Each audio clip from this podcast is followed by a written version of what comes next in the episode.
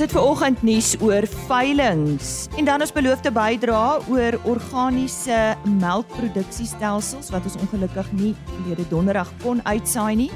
Hierdie bydra is met uh, Dr. Karel Miller van die Universiteit van Stellenbosch. En dan gesels ons oor die 4de industriële revolusie en die kleinboer. Die LNR en verskeie ander instansies het uh, talle kleinboere daar in die Toyandou Limpopo omgewing opgelei. Erik Economin van die LNR vertel ons ver oggend daarvan.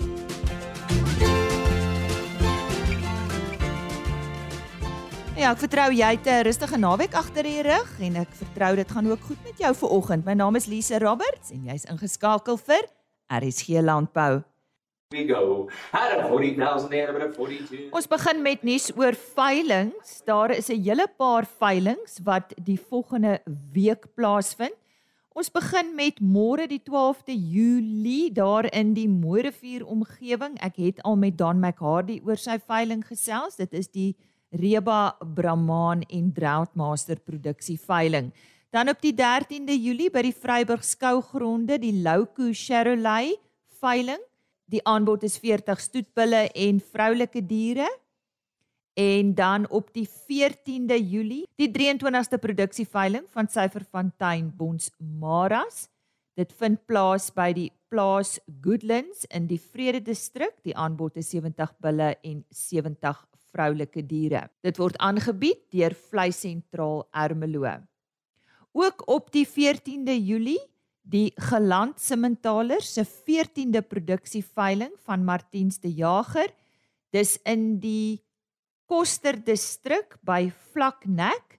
Die aanbod is 40 bulle en 40 vroulike diere en op die 16de Julie die Boran Nasionale Veiling. Dis by die Afridome in Parys. Die aanbod is 80 vroulike diere en 30 bulle en dit word aangebied deur Vleis Sentraal.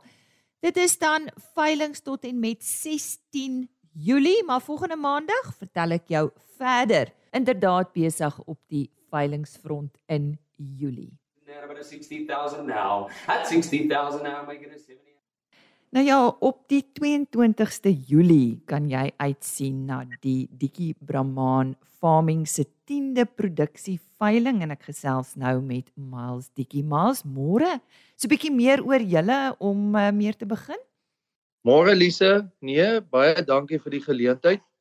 Uh ja, Lise, ek kom eintlik oorspronklik van die Limpopo af, is waar ek groot geword het en gebore is. En uh, ons het groot geword in 'n familie wat Brahmane boer al vir meer as 50 jaar. Ons is een van die grootste en die oudste Brahman stoetery in die land.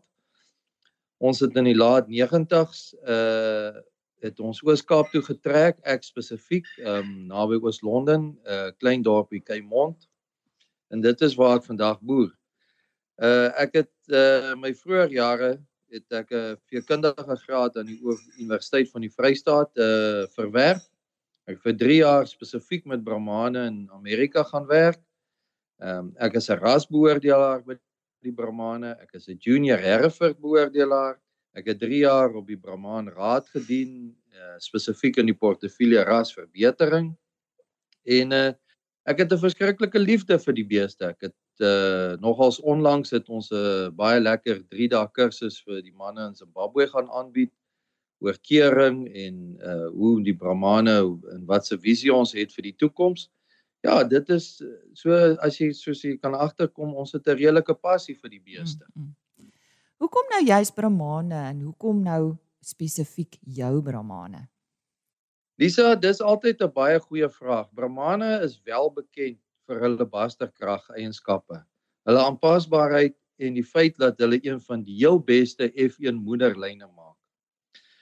Maar die ding wat vir my nog meer die cherry op die koek uh sit, uh soos die Engelsman sê, is die feit dat Brahmane 'n wêreldras is. Uh wat in die VSA, Australië en in Suider-Afrika uh baie goed verteenwoordig is en die feit dat ons 'n uh, samewerking het op met hulle ten opsigte van die genetika en die wetenskaplike enskappe waarvoor ons almal ehm um, nastreef. Ons omdat ons so lank in die bedryf is, uh het ons al uh hoeveelheid idees, triks en en fabs gesien. So en dit is ons stel glad nie daaraan belang nie. Ons stel net belang om 'n beeste teel wat vir ons werk in die Suider-Afrika omstandighede. Hmm. Ons unieke genetika verseker 'n klomp belangrike eienskappe wat vir beesboere baie belangrik is. Hmm. Onder andere uh kalwingsgemak, sterk kalvers by geboorte, goeie groei, goeie melk en kalvers wat baie goed presteer uh in die voedkrale. Miles, kom ons gesels bietjie oor daai veiling van julle op die 22ste. Waar, wanneer, ehm um, en natuurlik, wat is die aanbod? Lisa, ja, dankie. Ons het uh 21 bulle op die veiling wat baie goed prestasie getoets is, bulle wat ons uh vir die industrie uitstekende uh aanbod gedoen het en dan ook uh 20 vroulike diere wat insluit koeie met kalvers, uh dragtige koeie, uh oopverse en dan ook uh baba verse. Die veiling word aangebied by ons op die plaas uh Idlewild wat naby Kaimond is, uh in die Oos-Kaap naby 'n groot dorp uh Oos-London. Ons is nogal baie lief om die veiling uit te saai op ons Facebook bladsy direk uh stream ons stream hom uh op ons Dikkie Brahman page en dan ook het ons 'n aanlyn platform Swiftfee wat uh ons help met die veilingsaanbieding. Ja, die ons het rooi en wit beeste op die veiling. Jy kan ons kontak, uh, jy kan my persoonlik kontak uh op my selfoonnommer en WhatsApp 084 589 3174 uh of op my e-posadres mwdikkie@mweb.co.za of jy kan vir Tony by BKB kontak uh 082 456 9143 en ons katalogus is beskikbaar op die BKB webwerf sowel as die Brahmanse webwerf. So sê Miles Dikkie, hy het ons vandag vertel van hulle veiling. Dit is op 22 Julie by Idle Wild Plaas daar in die Kaimond omgewing soos hy gesê het in die Oos-Kaap. Dit staan bekend as die Dikkie Brahman Farming se 10de produksieveiling en Miles Dikkie se selfoonnommer herhaal ek graag. Dit is 084 589 3174. Met die 4de industriële revolusie en 'n woord wat ons heelwat deesdae in landbou hoor, is dit belangrik dat uh, ons boere, klein of groot, moet bewus wees van die nuutste tegnologie en ontwikkeling en soveel te meer ons kleiner boere want hulle het dikwels nie toegang tot inligting nie. Nou dis presies waaroor ek vandag gesels met Erik Economin. Hy is hoofnavorsingstegnikus by die Landbou Navorsingsraad in natuurlike hulpbronne en ingenieurswese. Nou Erik sê vir ons wat word hierdie opleiding genoem? Um, ek gaan vir julle die Engelse naam gee omdat dit in Engels aangebied was. Dit is Specialized Training in Machine Learning for Earth Observation with Application in Agriculture. Hmm. En en wie was betrokke? Ehm um, daar was daar was heelwat mense betrokke. Daar was die die befondsers wat bekend is as GIZ. Dit is 'n Duitse maatskappy by die hoof uh befondsing gedoen het. Daar was die German Cooperation. Daar was uh Fair Forward wat um artificial intelligence um gedoen het, die uh National Space Agency of South Africa wat bekend is as SANSA, die Department of Science and Innovation van Suid-Afrika en die hele ding was gekoördineer deur um Move Beyond Consulting. Dit was basies die befondsers Die ehm um, opleiding was aangebied deur die LNR, Landbou Navorsingsraad, ehm uh, ook die WNR en Wits Universiteit. Waar het dit plaasgevind en hoekom nou juist daar? Ehm um, ons ons het ehm um, oral in die land gekyk vir gewasse wat hierdie tyd van die jaar ehm um, geplant is.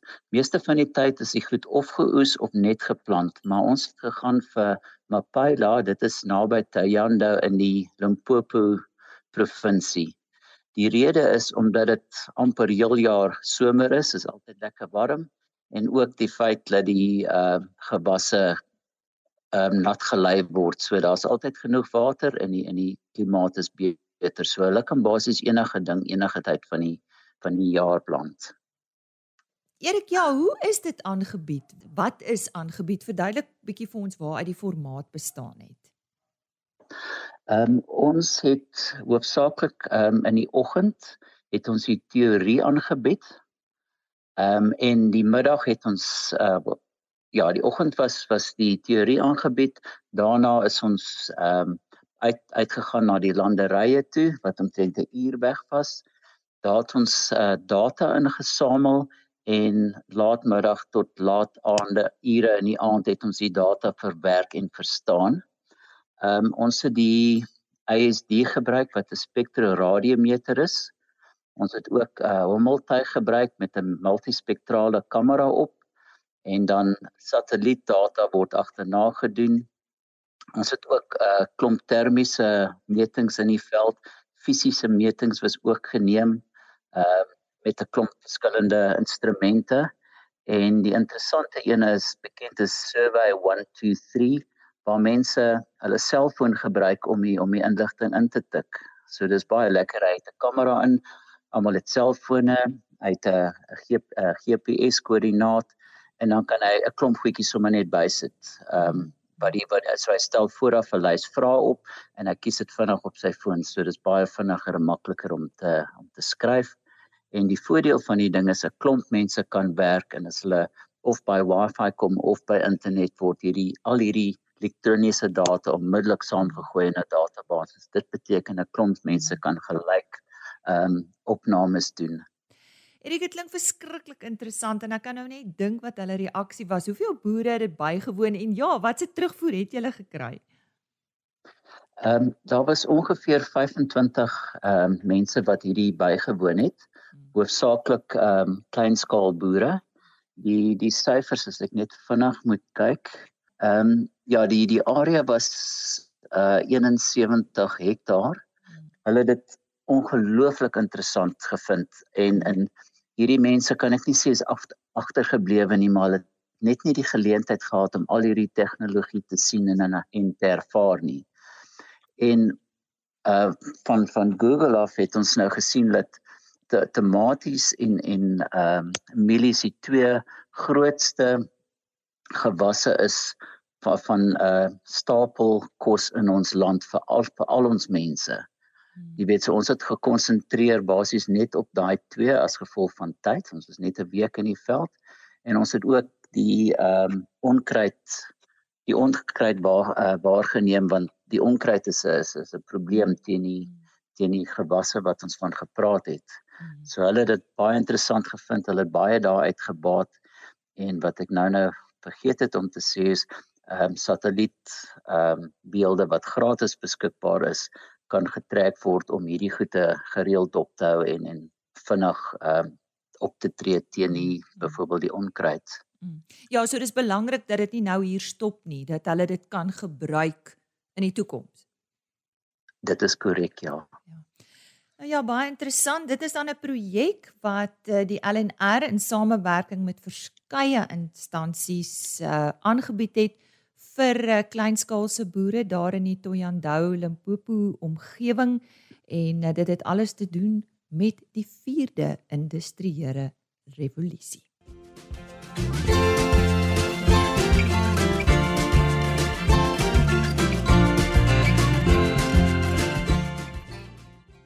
mark vir organiese melk het tans nie baie groot nie. Nou soofsaaklik op welvarende verbruikers gemik. Nou die algemene persepsie is dat groot melkplase nie omgewingsvriendelik is nie, dat die welsyn van koeie onseker is en dat besoedeling algemeen voorkom en dit is dikwels waarom organiese melk verkies word of die produksie daarvan. Nou Dr Karel Miller, 'n navorsingsgenoot vir kundige wetenskap by die Universiteit van Stellenbosch gesels nou met ons hieroor. Karel, die algemene publiek wil eerder koeie op weiding sien. Waarom? En is dit noodwendig moontlik en meer omgewingsvriendelik? Môre. Goeiemôre Elise en luisteraars. Ja, die meeste mense het natuurlik 'n prentjie van 'n melkery met koeie op groen gras en koeie wat daar lê en herkou. Maar mense het so groot geword en dit dan soms 'n skok om hulle in intensiewe toestand te, te sien. Uh daar's daar's wel in Suid-Afrika nog baie plekke wat koeie veiding aangehou word, net soos daar in lande soos in Nieu-Seeland en Ierland uh wat feitelik net 'n veiding produseer. Wat mense dalk nie altyd besef nie is dat koeie vir alle tye van die jaar uh vir 'n tyd van die jaar binne huis aangehou is omdat dit te koud is om hulle buite te hou. Ek dink veral in in Europa en die noordelike dele van van Amerika. Koeie toe selfs nader aan die gesin gelewe. Maar ongelukkig het die het die ekonomie van die bedryf veroorsaak dat die die landelike prentjie heeltemal verander het. Uh koeie meer koeie moet aangehou word om finansiëel te kan oorleef. En dit is juist die probleem van weideplaas is dit dit is 'n beperkte kapasiteit weens 'n tekort aan grond en water. Dit beteken dat daar soveel meer koeie op 'n weideplaas aangehou moet word. En en om hierdie koeie te te kan melk, moet daar ander voer voorsien word. Dit is nou hooi en kuilvoer en volvoer en ander meer kragvoer. En dit moet dan gewoonlik in wat ons noem 'n nulbewydingstelsel gevoer Hmm. Ehm um, so en dit en dan natuurlik die die ander probleem is dat weidingsboere eintlik uh, weidingsboerdery eintlik moeilik in alle dele van Suid-Afrika gebedryf kan word. Ek meen dit is ons weet tog dat ons 'n redelike droë land. Daar's nie genoeg hmm. reënval om koeie net te weiding te hou nie. Die die dele van die Weskaap hier waar baie melkbore is, is byvoorbeeld in die somermaande van Desember tot tot Maart letterlik woestyndroog. Hmm. Daar's min water beskikbaar vir besproeiing en die al die rifoere wat die koeie moet uh, moet gevoer word word dan gedurende die wintermaande geproduseer en dan aan hulle gevoer. So die wat die wat die welsyn van die koeie aanbetref is natuurlik 'n ehm um, heeltemal vat nie die geval dat daar nie na die welsyn van die koeie omgesien word. Daar word baie navorsing gedoen om om hulle toestande binne behuisingsstelsels te uh, goed te hou. Mm. Dit is in elk geval nie goed wees vir die of slim wees vir boere om hulle swak te, te behandel binne behuisingsstelsel nie en en daarom word ehm um, word mooi na hulle gekyk. Uh wat 'n ander probleem wat natuurlik uh, voorkom is dat mense sien dikwels groot berge hoope mis wat rond lê op hierdie intensiewe plase. Maar hulle sien nie die misrag wat op beweidingskamp lê nie want dit is tog nie dat koeie minder mis produseer het op weiding. Dis net meer versprei, dis net meer versprei. Dis net heeltemal meer versprei ja. Die, ja. Die voordeel van die intensiewe plaas is dat jy hierdie afvalprodukte kan hergebruik en daar's baie stelsels deesdae wat metaangas produseer en die hele mm. elektrisiteitsbehoeftes uh, van die plaas bedien. Mm. Uh in die geval van 'n weidingsplaas kan jy omtrent maar so 10% van daai mis wat jy rondom die melkstal kan gebruik. Om as 'n organiese produsent gesertifiseer te word, moet jy aan 'n lys vereistes voldoen. Voor ons nou oor dit gesels, Hoe algemeen is organiese melkproduksiestelsels in Suid-Afrika? Uh daar is eintlik inligting beskikbaar oor hoeveelheid organiese melkplase nie. Uh die in die beskikbare literatuur wat ek gesien het, praat hulle maar saaklik van plase en dan is dit nie spesifieke melkplase in die publiek. 'n Publikasie wat ek gesien het praat van 250, maar dis al redelik reg gelede. Mm. So ek vermoed sê dat dit is daar heelwat meer. Uh die gevoel is natuurlik ook dat boere wat op gemeenskapsgrond boer dan nou eintlik 'n ook 'n tipe van 'n organiese stelsel gebruik omdat daar min kunsmis gebruik word en addisionele aanvullings en die tipe van goed. Ehm um, daar's ook natuurlik baie melkkuddes wat op die rand van organiese produksiestelsels beweeg. Dit is gewoonlik 'n primêre produsent wat self sy sy eie kaas produseer en dit dan bemark. Mm en uh, gewoonlik is dit spesialiteitskase wat vir die hoër inkomste groepe gerig is. Mm. En dit pas dan gewoonlik hierdie hierdie produsente se se beeld om te noem dat die melkery gedeeltelik mm. organies bedryf word, maar dis nie noodwendig mm. dat hulle gesertifiseer is as 'n organiese uh, uh, uh, produsent nie. Mm. Ja, nou goed, kom ons gesels oor daai sertifisering, uh, daardie vereistes. Noem vir ja. ons 'n paar vereistes. Ja, ek moes maar gaan soek hierna want ek nou nie eintlik vir myself veel van die onderwerp onderwerp weet nie. Daar's byvoorbeeld 'n webtuiste southafrica.co.za byvoorbeeld 'n redelike volledige protokol om so 'n stelsel te begin. Daar's ook ander bronne wat geraadpleeg kan word. Maar die basis van 'n organiese produksiestelsel is dat die voergewasse sonder sintetiese kunsmis, swam en hor- hormoonmiddels, insek en onkruiddoders en menslike afval geproduseer moet word. So dis die gewone goed wat uh, gebruik word op op op die meeste plase.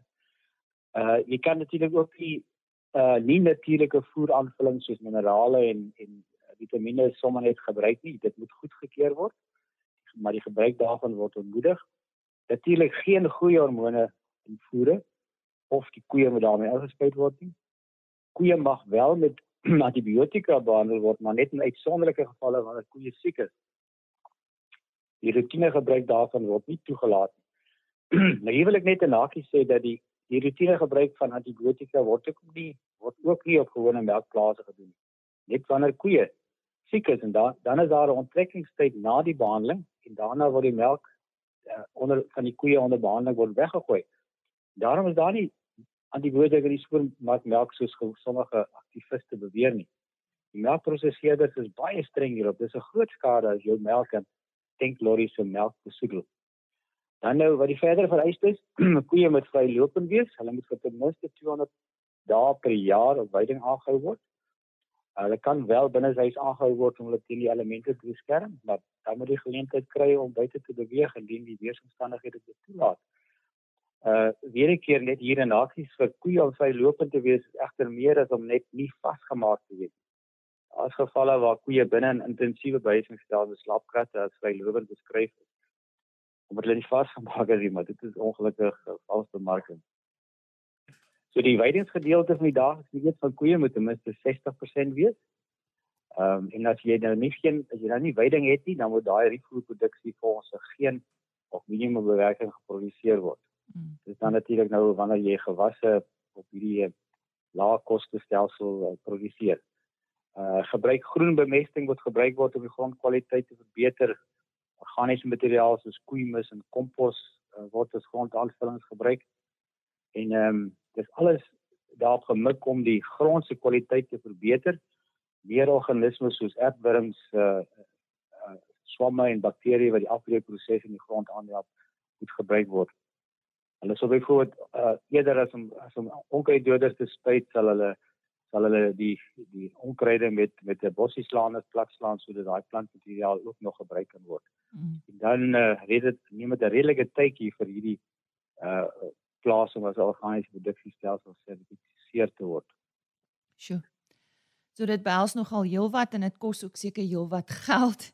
Wat is belangrik om in ag te neem voor jy so iets oorweeg? Watse raad het jy, Karel?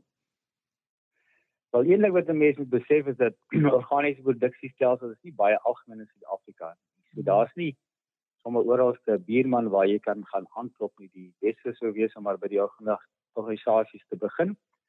Uh ek dink die rede hoekom daar nie baie boere is nie is maar die komplekse aard daarvan om as 'n organiese produsent gesertifiseer te word. Mm. En dalk is die mark ook nie so groot uh vir die produkte nie omdat ons nie so welvarende land is nie. So voor jy moet begin, moet daar 'n volhoubare melk wees vir jou produkte. Ehm um, die tradisionele melkprosesseerders het het nie so het as 'n reël nie 'n afset vir die gespesialiseerde produk nie. Ehm um, 'n bes, bestaande produksiestelsel moet dus aangepas word vir sertifisering deur die organisasie bedryfsorganisasie en dan soos ek reeds genoem het, daar is spesifieke riglyne en maatreëls waar volgens die melk geproduseer kan word. Daar's dikwels 'n tydsverloop van so 4 maande na die inspeksie vir sertifisering en die lewering van die melk aan 'n koper of of die produkte dan nou ook. Dit is ook belangrik om te besef dat alle melkdiere, nie die melkkoeie op die plaas het ten minste 12 maande organies geserviseerde voere moet ontvang. En in sommige gevalle kan dit selfs 24 maande duur voordat die grond as skoon van chemiese kunsmis en afvalmateriaal beskou word. En uh, sommige van hierdie sertifiseringsmaatskappye verwag dat jy dokumentêre bewyse gelewer word wanneer die laaste nie organies gesertifiseerde middels gebruik is. Mm. Jy kan ook nie saad van geneties gemodifiseerde gewasse gebruik word nie. So dis maar 'n lang proses om as 'n organisasie orga, organiese produsent gesertifiseer kan word. As jy dus 'n uh, klein melkkudde het en jy het voldoende weiding en beplan om nie uit te brei nie, kan 'n organiese produksiestelsel oorweeg word. Maak net seker van die vereistes. Dit kan nog altyd rowend en beperkend wees. Ja, en jou mark is belangrik. Jy moet 'n mark hê en ek dink dit kan ons onderstreep. Is ek reg, Karel? Ja, absoluut. Absoluut. Absoluut. Ja. Ja. Nou ja, baie dankie aan Dr. Karel Miller. Hy's navorsingsgenoot vir kundige wetenskappe by die Universiteit van Stellenbosch. Hy het nou vandag met ons gesels oor organiese melk, die mark en wat die vereistes daarvan is om so 'n plaas te vestig. Dis tyd om te groet. Onthou as jy enige onderhoud misgeloop het of jy soek dalk uh, meer besonderhede, die maklikste is www.agriorbit.com. Kyk bo aan die bladsy onder podcast en al RC landbou se programme en uh, die onderhoude word daar afsonderlik gelaai. Dit is agriorbit.com. Natuurlik die volledige program altyd op die rsg.co.za webtuiste beskikbaar en 'n e-posadres. Ek hoor graag van jou. rsglandbou@plaasmedia.co.za.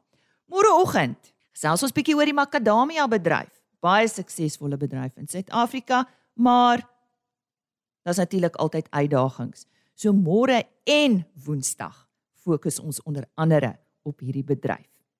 Maar daar's altyd ander nuus, so moet ons program nie misloop nie. Totsiens. RSG Landbou is 'n plaas media produksie met regisseur en aanbieder Lize Roberts en tegniese ondersteuning deur Jolande Rooi.